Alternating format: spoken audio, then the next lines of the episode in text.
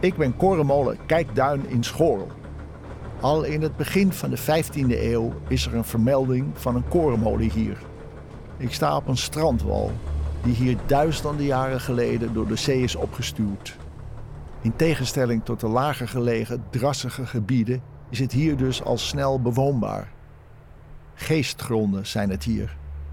Duinzand vermengd met klei en veen. In de 9e eeuw gaan veel mannen die hier wonen, de geestmannen, op pad om de polder te ontginnen. Ze maken het land droog door sloten te graven en de bagger op akkers te leggen. Schorel is een bijzondere plek met zijn hoge klimduin die aan de rand van het centrum ligt. Het duinlandschap richting de zee. Het was hier heus niet altijd rijk en welvarend. Ik heb veel rouw en verdriet gezien. De Spanjaarden hebben Schorel tijdens de 80-jarige oorlog geplunderd en het dorp, inclusief de molen, in brand gestoken. Eind 18e eeuw strijden hier soldaten uit verschillende landen om de macht in ons land. In het begin van de Tweede Wereldoorlog is hier een interneringskamp. Het zijn klappen die Schorl maar moeilijk te boven komt. Maar het blijft altijd een plek die tot de verbeelding spreekt. Zo schrijft Nicolaas Beets rond 1840 het laatste enigszins tekenachtige dorp aan Hollands westelijke kustrand is zonder twijfel het armelijk Schorl. Als ik aan Schorl denk, denk ik het liefst aan de liefde. Sinds meer dan 450 jaar is hier op Tweede Pinksterdag een soort liefdesmarkt. Al in 1573 nemen de jonge dames uit de hele omgeving plaats op het klimduin. Vluchten ze met mannen die zich aan de voet van het duin hebben verzameld. Het is een soort 16e eeuws Tinder. Het was toen nog aan de man om op het meisje af te stappen. Later rennen de meisjes in de armen van de mannen. Het is een traditie die nog steeds ieder jaar plaatsvindt. Anders dan vroeger, maar nog steeds een bron van zon, lente en vrolijkheid. Sinds het eind van de 19e eeuw ontdekken toeristen dit gebied. Langzamerhand worden boerenerven vervangen door vakantiehuisjes. Het klimduin is natuurlijk niet alleen een plek voor de prille liefde. Het is ook een toegangsgebied voor een uniek bos- en duingebied. Meer dan 60 kilometer wandelpad brengt je naar de hoogste duinen, de oudste bossen of de stuivende duinen.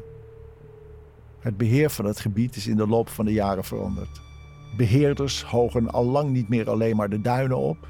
In 1997 is er bijvoorbeeld in de duinen een opening gegraven, zodat het zeewater de achterliggende duinvallei juist kan bereiken, om zo ruimte te maken voor nieuwe natuur. Ook met mij is in de afgelopen eeuw steeds anders omgegaan. Tot 1935 ben ik volop in bedrijf en moet mijn molenaar rondkomen van de stuivers die iedere zak graan hem oplevert. Daarna maal ik nog even tijdens en na de oorlog, dan niet meer. Totdat mijn molenaar mij tussen 1976 en 2012 van een romp met wieken weer tot maalvaardige molen omtovert. Vandaag de dag maal ik voor bakkers, bewoners en toeristen. Niet meer als levensonderhoud, maar uit liefde. Een bron van zon, lente en vrolijkheid. Met wie heb ik het genoegen? Fred Prins. Dag Fred. Ja. En in welke molen ben ik nu? Een, een molenkijkduin in School. In Schorrel, ja. Een ja. korenmolen. Goh, wat een mooie molen zeg. Heel veel houtwerk, heel mooi. Ja, ja. Ja. en hij is van steen. En ja, dat de buitenkant. zul je verder niet tegenkomen op je ronde. Nee, dat Nee. is inderdaad waar, nu je het zegt. Ja. 22 molens eh, afreist. Dan kom je 22, dat noemen we rietgedekte achtkanten. Ja. Acht eikenhouten palen een beetje schuin naar elkaar toe. Ja. Op eh, een fundamentje. En daar zitten dan eh, riet op. Hè? Ja, ja, ja. En deze dit is een van steen. stenen molen. En dat, de, de grond in Noord-Holland is eigenlijk niet stevig genoeg om stenen molens op te zetten. Dan zou je eh, vrij veel kosten voor fundering moeten maken. En aangezien er vanaf 1500 die, al die poldermolens overal verschenen in Ja. Noord-Holland, Ja. waren die van eh, hout en riet. ja. En waarom is deze dan wel van steen? Nou, dit, je hebt de duin, de, de duinenrij langs de kust is een, is een, eh, een zandstrook. Ja. En in Schorel loopt hij zo naar binnen, die punt, zand, en weer naar buiten. En op dit puntje staat de molen. Wij Ja. staan op de punt van de zandstrook. Ja. En zandstrook, een zand kan dat, kan dat steen wel Ja, ja houden zand heeft een, eh, heeft een eh, goede dragende kracht, maar veen en weet ik wat, dat, dat klinkt dat in. klinkt in Ja. en dat eh, verzakt. Ja. Zeg, en, en hier natuurlijk, hè, want je bent altijd afhankelijk van de wind. Het landschap verandert. Het Ja, dat mag je dichter wel zeggen. bebouwd. Dat mag je wel zeggen. Ja, eh, Ja. het is jullie opgevallen dat hier een paar bomen naast de molen staan? Ja, het is me opgevallen. Ik vroeg me wel af hoe dat ging met de windvang. Ja, je kan er nog niet eens eh, erg over mopperen. Want de laatste beroepsmolenaar hier, dat was Dirk Duin... Ja. die ging eh, de, de oorbellen van zijn vrouw naar de Lommerd brengen... voor nieuwe zeilen. Oh ja. En toen heeft zijn vrouw gezegd... nou, Dirk, ik vind het nou wel goed zo. Want hij was 80, het is wel klaar. Maar hij verdiende al heel lang niet erg veel met die eh, molen, niet genoeg. Dus hij is een kampeerterrein begonnen eh, aan het begin van de 20e eeuw. ja. Daar kwamen geen toeristen natuurlijk op een kampeerterrein kwamen padvinders en Ja, zo. Weet je, ja, dat, eh, ja. van die loodzware tenten en eh, die moesten van alles. Maar dat was zijn bijverdienst. Hè? Maar ja, er was ook wel veel wind en dan moet je wel eens. Dus hij is zelf het ge- gebied van die molenaar, die Dirk Duin die hier zat, dat liep tot aan de voorweg. Dus hij is zelf om zijn kampeerterreintje, wat, waar hij steeds meer inkomen uithaalde in plaats van dat malen, is die bomen gaan planten. Oh, Dus ja. eh, dat werkt elkaar dan wel een beetje tegen. Hij was het zelf. hij ja. was het zelf. Maar ja, eh, die zijn- bomen zijn er nog inderdaad. Die Ja. bomen zijn er nog, Ja. ja, die doen het goed. Eh, we, hebben, we hebben een hype gehad in 2004. Toen kwamen er broodbakmachines op de Ja, markt. iedereen had opeens zo'n En ding. iedereen had er Ja. een. Eh, als je bij het personeel van Ikea kreeg hem in het kerstpakket. Ja. Nou, dat zijn er gelijk 9000 weer in Nederland. Ja. Ongelooflijk. Ja. En ik was toen beroepsmolenaar in Schiedam. Nou, ik verkocht voor het gemak ook maar broodbakmachines. dat was een hele goede handel. Ja, meteen bij je mail. Ja, Bij mijn mail, ja. ja, Ja, dat, weer is weer weggeëpt. En toen hadden we een kleine hype een jaar of vijf geleden met Speld. Mhm. Die hype was hier in Nederland. Hè. Eh, maar op een gegeven moment was er in april was wereldwijd het speld op. Want de Nederlandse graanhandelaren hadden het uit Canada, uit Rusland, uit de Krim, uit. Amerika Oh, geïmporteerd. En wat is nu dan? Vorig, nou ja, corona. Ja, maar dat kan je niet De, kopen. de korenmolens eh, in Nederland hadden in 2020 een omzet van drie maal zo hoog als in 2019. Want wat gaan, die mensen gaan toch allemaal brood bakken. Ja, die zitten thuis en die gaan brood bakken en die willen eh, gezond en weet ik wat. Oh ja. En eh, ik heb op de. Ik beheer de website van de beroepsorganisatie van korenmolenaars. En daar heb ik van een molen in Weesp. Was een prachtige foto vanaf de stelling. En dan zie je dus in april vorig jaar zijn streepjes gezet. Zover als je kan kijken, staan mensen te wachten om mail te kopen. Om mail te kopen. Ja, die mensen zitten allemaal thuis. Ik ga maar brood bakken.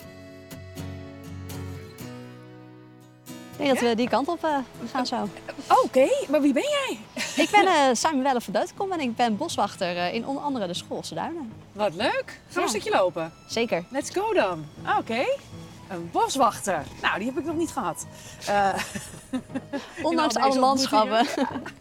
ben je hier al lang boswachter? Nee, eigenlijk niet. Pas sinds eh, oktober vorig jaar, dus een half Oh. jaartje pas. Dus eh, Oh, ja.